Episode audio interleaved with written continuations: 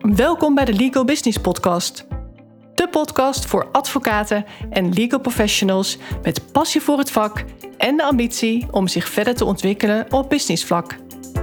Ik ben Marloes Kuipers en in deze podcast deel ik waardevolle tips, inzichten en strategieën die jou gaan helpen om het maximale uit je carrière of kantoor te halen.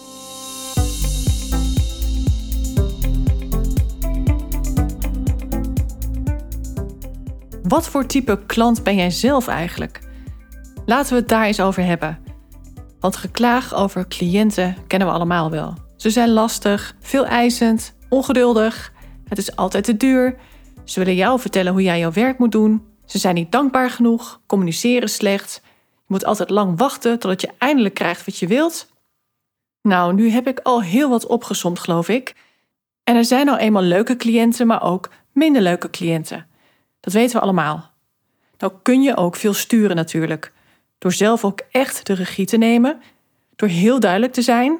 Heel goed de belangen en de verwachtingen over het resultaat te achterhalen. En die ook te managen indien nodig. En last but not least, heel goed communiceren gedurende de gehele samenwerking. En ik denk, of ik weet eigenlijk wel zeker, dat daar nog heel veel winst te behalen valt. Als ik alleen ook kijk naar mijn eigen ervaringen met advocaten, gedurende mijn jaar als advocaat met confrères en kantoorgenoten, maar ook nu als ondernemer. Advocaten die mij nota bene zelf benaderen, maar vervolgens niet in staat blijken te zijn om op correcte wijze te blijven communiceren. En daarmee bedoel ik heel simpel gewoon antwoord geven binnen een normale reactietermijn. Zij willen een gesprek, ik doe vervolgens een voorstel en dan is het stil. Ik zou in principe toch geen reminder meer hoeven sturen. Het gaat ook om een reactie die, laten we zeggen, max 30 seconden kost. Nou, vooruit laten we er twee minuten van maken als je ook nog het agenda-checken meetelt. Maar daar is toch niemand te druk voor? En nee, niet alle advocaten en juristen zijn zo, maar ik durf wel te zeggen bovengemiddeld veel. En het is ook allemaal geen onwil, dat is het punt niet. Maar ik kan bijna niet geloven dat je richting cliënten dan wel heel correct bent en echt op de bal zit. How you do anything is how you do everything. En daarmee kom ik op het punt: hoe ben jij zelf als klant? Waar jij jou nou zo aan stoort bij jouw cliënten, doe je dat zelf misschien net zo hard als jij zelf in die klantrol zit. En dan heb ik het vooral over de zakelijke klantrol. Want ik heb natuurlijk zo mijn eigen ervaring als het gaat om communicatie met advocaten en dat beslissingsproces. Maar ik hoor het eigenlijk van iedereen die zaken doet met advocatenkantoren. Of het nou gaat om de aanschaf van software, telefoonabonnementen of welk fysiek product dan ook, van koffieautomaat tot printer, maar ook diensten als webdesign, ICT, etc. Ik hoor het steeds weer. Wat kunnen advocaten toch moeilijk beslissen? Wat stellen ze alles toch uit? En dan maakt het nogal wat uit of het gaat om grote of kleine investeringen, zou je zeggen. Maar dat verschil is dus niet zo groot. En dan kom ik weer op bij how you do anything is how you do everything. Want dat gaat dus blijkbaar echt op. Want een lidmaatschap of abonnement van, laten we zeggen, 100 euro per maand, hoe moeilijk wil je daarover doen? Hoeveel tijd wil je daaraan besteden als jouw eigen uurtarief al twee, drie keer zoveel is? Ga jouw tijd eens doorrekenen. Met de drie advocaten drie keer een uur in overleg gaan, dat kost kantoor al gauw 2.500 euro bij een gemiddeld uurtarief. Ik bedoel maar. Maar zo wordt niet gedacht. En ik heb nog niet eens meegerekend hoeveel tijd een secretaresse eventueel kwijt was aan het nodige uitzoekwerk of aan het doorzetten van alle communicatie. Beter een verkeerde beslissing dan geen beslissing. Even terugkomend op die rekensom van mij. Al dat geoverleg en dat uitzoekwerk, het misschien wel eindeloos vergelijken van prijzen met andere aanbieders of lang onderhandelen, dat kan je als kantoor zomaar meer kosten aan gemiste declarabele uren dan twee jaar die software afnemen. En dan zeg ik niet dat je klakkeloos dingen moet aanschaffen en te veel moet betalen. Maar dat aankoopproces, dat koopbesluit nemen, dat kan ook sneller, daadkrachtiger. En daar komt ook weer leiderschap om de hoek kijken. Zo'n accountmanager of verkoper heeft vaak wel mensenkennis. Die voelt heus wel aan wanneer het menens is. Stel gewoon scherpe vragen. Wees to the point en geef ook duidelijk aan wat je wilt. Stel je wilt een printer. Wat moet die printer dan kunnen? Alleen zwart-wit printen of ook kleur? En vraag door naar de langetermijnkosten. Hoe zit het bijvoorbeeld met de onderhoudskosten? Zijn er andere addertjes onder het gras? Dat is nuttig, maar doe wel je best om tot een goede keuze te kunnen komen. En juist daar gaat het vaak mis. Advocaten zijn vaak vaag geïnteresseerd en houden mensen aan het lijntje. Of ze doen juist heel geïnteresseerd, waardoor een partij denkt dat de deal bijna rond is, om daar helemaal geen zaken meer te doen. Ik sprak vandaag nog iemand die letterlijk zei: En dan denk je dat het slechts nog over de details gaat voordat de deal rond is, maar dan blijkt dat ze plotseling met een ander in zee gaan. Of besluiten het helemaal niet meer te doen. Nou zeg ik best veel onaardige dingen, daar ben ik me van bewust. Maar als jij je niet aangesproken voelt, is er ook geen probleem, toch? Dan heb ik het niet over jou en heb jij waarschijnlijk zelf last van dat type collega-advocaten. En dan is het gewoon een feest van herkenning voor je. Maar waar ik naartoe wil is dat je een beslissing moet nemen. En dat het dus een ja of een nee is om de juiste redenen. Geen nee zeggen omdat je geen tijd hebt of omdat het ineens niet meer in de begroting past. Want dat zijn allemaal excuses. Zolang het niet om een investering van een halve ton of meer gaat, zou geld voor de meeste kantoren geen issue moeten zijn. Dan is het niet zozeer niet kunnen investeren in bijvoorbeeld innovatie, maar niet willen investeren. Nou hoor je mij steeds investering zeggen en geen kosten. Dat doe ik heel bewust, want daar zit een verschil in. Op kosten moet je scherper letten dan op investeringen. Want investeringen dienen er juist voor om jouw geld of vrije tijd op te leveren. Maar je moet het wel willen zien, die return on investment. Wat je niet moet willen en wat wel vaak gebeurt, is geen beslissing nemen, uitstellen. Misschien later, maar nu niet.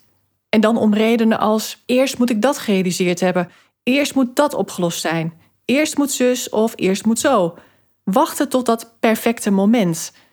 Maar dat perfecte moment komt er nooit. Advocaten die met mij in gesprek zijn gegaan en dan gingen uitstellen, omdat er zich iets voordeed. Nou, dat kan een project zijn wat ineens veel tijd of aandacht vergt, of bijvoorbeeld uitval van een teamlid.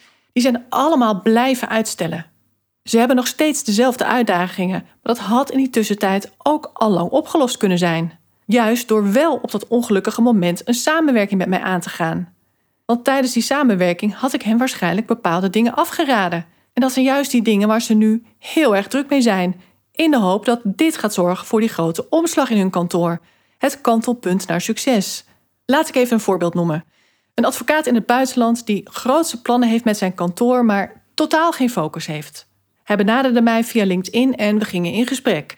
Dat was ergens vorig jaar, volgens mij augustus.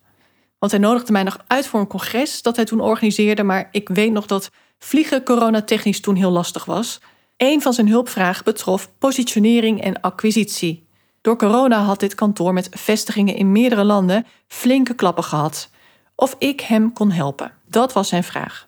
Tijdens het gesprek met mij had hij al zoveel aha-momenten en waardevolle inzichten dat hij met mij wilde samenwerken. Hij zag in wat hij nu niet goed deed en hoe het ook anders kon. En nou even terug naar dat congres. Want als gevolg van dat congres kreeg hij ook nieuwe zaken. En toen was hij daar zo druk mee, want hij had het juist heel rustig, dat hij het vervolggesprek ging uitstellen. Letterlijk, ik heb nieuwe zaken binnen en daar ben ik even heel druk mee. Ik had hem toen al een uitgebreide offerte gestuurd, volledig maatwerk, want hij heeft ook een team waar ook het nodige mee moest gebeuren. En dat heeft mij aardig wat tijd gekost, kan ik je vertellen. Maar zo snel als hij eerst schakelde, zo traag werd hij toen hij het ineens druk had. En dan denk ik, het is toch normaal om een volle praktijk te hebben. Het is normaal om je dag te kunnen vullen met juridische werkzaamheden. Hij zou nu juist het ijzer moeten smeden nu het heet is. Hij heeft nu genoeg werk, de machine draait weer, gooi dan kolen op het vuur. Juist als het goed gaat, juist als er geen druk op staat, moet je als kantoor gaan optimaliseren om succesvol te blijven. Met een plan en strategie aan de slag voor continuïteit. Wat hij doet is van de hak op de tak springen. Want hij benaderde mij aan het einde van het jaar weer met de update dat hij in januari van dit jaar dus graag weer met mij in gesprek wilde. Hij deelde zijn nieuwe website en hij heeft er meerdere. Hij richt er steeds eentje op als hij weer een nieuw plan heeft. En nu richt hij zich ook ineens op class actions in een hele specifieke niche. Of ik daar ook verstand van heb. Kortom, hij is druk met druk zijn. Hij valt van het ene idee in het andere, maar hij laat het in de uitvoering liggen. Want het is nu februari en dat zal je niet verbazen, maar hij liet alweer weten dat ze toch nog niet in staat zijn om te werken aan de plannen waar wij het eerder over hebben gehad. Je snapt wel, ik vind het inmiddels wel best. En ik vraag me inmiddels zelfs af of hij wel in staat is om te doen wat er echt voor nodig is om zijn kantoor naar het gewenste niveau te krijgen, nog voor zijn pensioen. Dus ja, ik heb zelf ook de nodige ervaringen en ik leer de signalen steeds sneller kennen. Maar af en toe vergis ik mij ook nog wel eens en dan krijg je dit. Wat voor mij ook een heel duidelijk signaal is, is als advocaten de regels willen bepalen. Een eerste kennismakingsgesprek met mij vindt online plaats, via Zoom of Teams. Uitzondering daar gelaten, maar dat is in principe hoe ik werk. Dan was er laatst een advocaat-ondernemer die zei: Ik wil per se live en anders niet. Hij had mij uitgenodigd om langs te komen op kantoor. Nou was dat voor mij zo'n anderhalf uur rijden. Daar had hij zelf ook niet bij stilgestaan. Maar dan nog. Waar het mij namelijk om gaat is de houding. Een samenwerking met mij vraagt een open houding. Je zult dingen van mij moeten willen aannemen. Want daar schakel je mij voor in. Strategisch advies, coaching, mentoring. Dat vraagt ook wat van die ander. Je moet coachbaar zijn. Als iemand dan zelf de regels wil bepalen, dat gaat natuurlijk niet werken. Sowieso werk ik ook deels online. Dus als iemand daar echt aversie tegen heeft, dan werkt het ook niet. Maar stel nou dat ik op alle verzoeken om langs te komen op kantoor om koffie te drinken in zou gaan. Vrijblijvende gesprekken. Dat is toch niet efficiënt? Want dan kom ik weer op dat beslissen van advocaten. Enthousiast zijn, maar toch niet beslissen. En daar houd ik rekening mee. Als je vaker podcasts van mij beluistert, dan weet je dat ik erg voor efficiëntie ben en mijn tijd en die van mijn klanten bewaak. Dus overal langs gaan om koffie te drinken, dat doe ik niet. Nou heeft dat ook gevolgen voor de echt ondernemende advocaten, die wel weten wat ze willen en die wel snel willen schakelen. Want ja, die krijgen dezelfde behandeling. Daar zeg ik namelijk ook nee tegen als ze willen afspreken voor koffie. Want ik weet van tevoren natuurlijk niet wat voor vlees ik in de kuip heb. Ik licht het uiteraard altijd toe, dus dan snappen ze het ook. Want ja, zij gaan één keer in gesprek met iemand die hen mogelijk kan helpen bij de groei van hun kantoor of ja, wat hun ambitie ook maar is. Maar voor mij is het dan het zoveelste gesprek. En dat maakt dat het voor mij tijdsverspilling is als het nergens toe leidt. Terwijl het voor die ander nog steeds een waardevolle tijdsbesteding was, want zij zijn weer vele inzichten rijker. Het is wel grappig om te benoemen dat een van mijn klanten, die dus wel oprecht geïnteresseerd was en die ook wilde afspreken voor koffie, mij hard to get noemde. Hij moest moeite voor mij doen. En dat heeft hij ook gedaan, want uiteindelijk kwam hij naar mij toe om live kennis te maken. Nou, die behoefte aan live contact en een face-to-face meeting, die snap ik ook wel. En die toegevoegde waarde, die zie ik natuurlijk zelf ook. Maar dat moet geen harde eis zijn waarbij de ander, waar jij wat van wilt, die moeite moet nemen. En dan is het ook nog, hoe communiceer je het? Je vangt echt meer vliegen met honing dan met azijn. Want een zin als ik wil per se live, anders wil ik het niet. Ja, dat maakt ook dat je sowieso niet graag genoeg wilt, lijkt mij. Want als ik persoonlijk echt iets wil, dan ben ik bereid daar moeite voor te doen. Ik stap bijvoorbeeld zelfs in het vliegtuig om naar een business event te gaan. Tja, iedereen is anders. En alles is oké, zeg ik altijd. Maar als je wat wilt bereiken, wat dan ook, zul je daar moeite voor moeten doen. Als je in teamverband werkt, zul je andere mensen mee moeten krijgen. Je zult ervoor moeten zorgen dat zij moeite voor jou doen. En dat doen ze alleen als jij ook moeite voor hen doet. En die moeite over en weer, die kan op verschillende terreinen liggen. Stel jij bent een partner en jij vraagt aan een medewerker om met spoed een lastige uitzoekklus op te pakken, met dus een strakke deadline. Die medewerker doet dan zijn of haar uiterste best om die deadline te halen. En hij of zij werkt over of laat een andere opdracht liggen om dit voor jou te kunnen oppakken. Dat is moeite doen voor jou. En jij doet als partner moeite terug door die medewerker altijd van waardevolle feedback te voorzien. Daar neem jij de tijd voor. Jouw kostbare tijd geef jij aan die ander. Ik maakte even een uitstapje van de klantrol naar de collega-rol, maar ik vond het toch wel nuttig om het even zo door te trekken. Want wat voor de relatie klant-verkoper geldt, dat geldt ook voor andere relaties. Denk aan collega's onderling, voor vriendschappen en zakenrelaties. Het win-win-principe gaat altijd op. Als advocaat doe je moeite voor je cliënt en dat mag je ook terugverwachten. Als klant mag je ook moeite doen. Voor jezelf om een goede beslissing te kunnen nemen, maar ook voor die andere partij. Die doet namelijk ook moeite voor jou. En dan denk je natuurlijk, ja, maar die persoon die wil wat verkopen. Dat zal ongetwijfeld, maar wellicht op heel integere wijze. Wellicht alleen als jij er veel beter van wordt. En als jij met een partij in gesprek gaat, is het blijkbaar ook interessant voor jou. Want anders zou je het gesprek niet aangaan, toch? En ben je nou ergens echt niet in geïnteresseerd, zeg dat dan gewoon. Nee, wij hoeven geen nieuwe of verbeterde website. Punt. Maar als je de indruk wekt dat je wel geïnteresseerd bent, je nodigt mensen bijvoorbeeld uit op kantoor of gaat veel mailen of bellen, dan komt toch het beginsel van wederkerigheid om de hoek kijken. Reciprociteit. De ander mag vanaf dat moment ook iets van jou verwachten. Valse verwachtingen scheppen, mensen aan het lijntje houden of simpelweg niet communiceren wat nou de echte reden is voor het niet kunnen of willen nemen van een beslissing, is niet oké. Als ik naar mezelf kijk, wat voor type klant ben ik, dan ben ik een hele transparante potentiële klant. Want ik gooi al mijn bezwaren open op tafel en ben niet bang dat ik daardoor gehypnotiseerd word door de ander, waardoor ik toch ja ga zeggen tegen iets wat ik eigenlijk niet wil. Nee, ik heb voldoende vertrouwen in mijn eigen beoordelingsvermogen om een echt open gesprek te voeren. Dit is waarom ik twijfel of dit is wat ik nog mis in het verhaal. Dat communiceer ik gewoon. Dan geef ik die ander dus de kans om mij alsnog verkocht te krijgen. En ik heb het heus wel door als iemand maar wat kletst. Maar dit werkt goed voor mij. Want uiteindelijk moet je er als ondernemer toch altijd voor open blijven staan om te horen wat er te koop is. Letterlijk. Mits het in de basis relevant is natuurlijk. Ik heb wel eens gesprekken gevoerd waarbij ik op voorhand verwachtingen managede. De kans is erg klein dat ik ja ga zeggen, maar ik wil je wel een kans geven. Dat zei ik dan. En uiteindelijk ben ik dan toch klant geworden. Of niet. Maar dan heb ik die persoon wel scherp bevraagd indien nodig. Ik stel alle vragen die nodig zijn om een beslissing te kunnen nemen. En die neem ik ook. En ik kom er ook niet op terug. Dat is leiderschap. Wil dat nou zeggen dat ik nooit twijfels heb gehad nadat ik een investering heb gedaan, nadat ik ja heb gezegd tegen iets? Zeker wel. Dat heet buyer's remorse. Dat is een natuurlijk verschijnsel. Dat je altijd gaat twijfelen als je een flinke investering doet. En heb ik dan nooit een investering gedaan waar ik achteraf echt spijt van had? Ook dat wel. Jazeker. En ja, wat is spijt? Dat is ook zoiets, want ja, overal leer je weer van. Maar het zijn soms wel dure lessen, waarvan je denkt, daar zou ik niet opnieuw voor kiezen. Maar beter een verkeerde beslissing dan geen beslissing. Dat zegt elke succesvolle ondernemer. En ze hebben ook allemaal wel eens beslissingen genomen die niet uitpakten zoals ze hoopten. Maar daar staan vele goede beslissingen tegenover. En dat is met alles.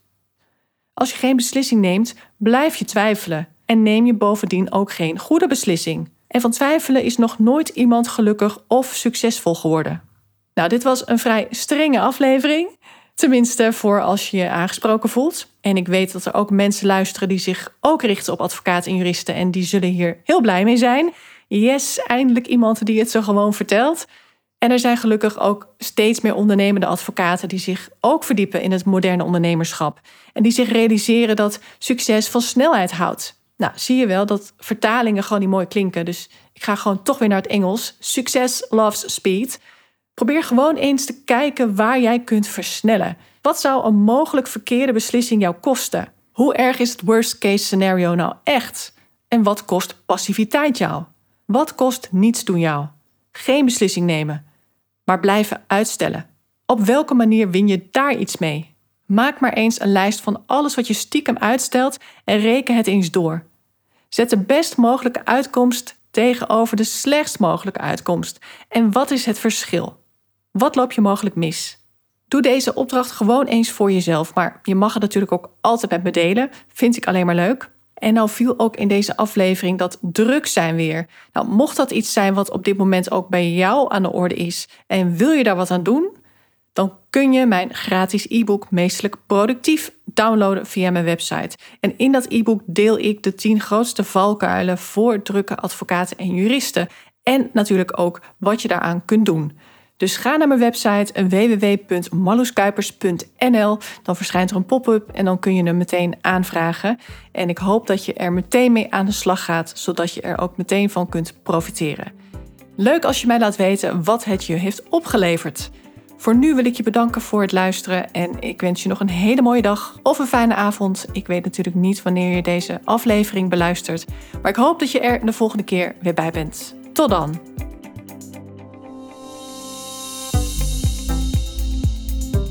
Dankjewel voor het luisteren. Mocht je deze podcast waardevol vinden, abonneer je dan of volg mijn podcast zodat je geen aflevering hoeft te missen. En deel hem ook vooral in je netwerk. Ook zou je mij een groot plezier doen met een 5-sterren review die je kunt achterlaten op iTunes. Niet alleen wordt de podcast dan beter gevonden, maar je helpt ook weer andere advocaten en juristen in hun reis naar succes en geluk. Uiteraard vind ik het leuk om te horen wat je meeneemt uit deze aflevering. Stuur me een bericht op LinkedIn of mail naar info.marloeskuipers.nl. Heb jij bepaalde ambities en wil je weten hoe ik jou zou kunnen helpen bij het verwezenlijken daarvan? Vraag dan een gratis meesterschapscall aan via mijn website. Ga naar www.marloeskuipers.nl. Alle informatie vind je ook in de show notes bij deze aflevering. Ik kijk er naar uit om van je te horen. Tot de volgende keer.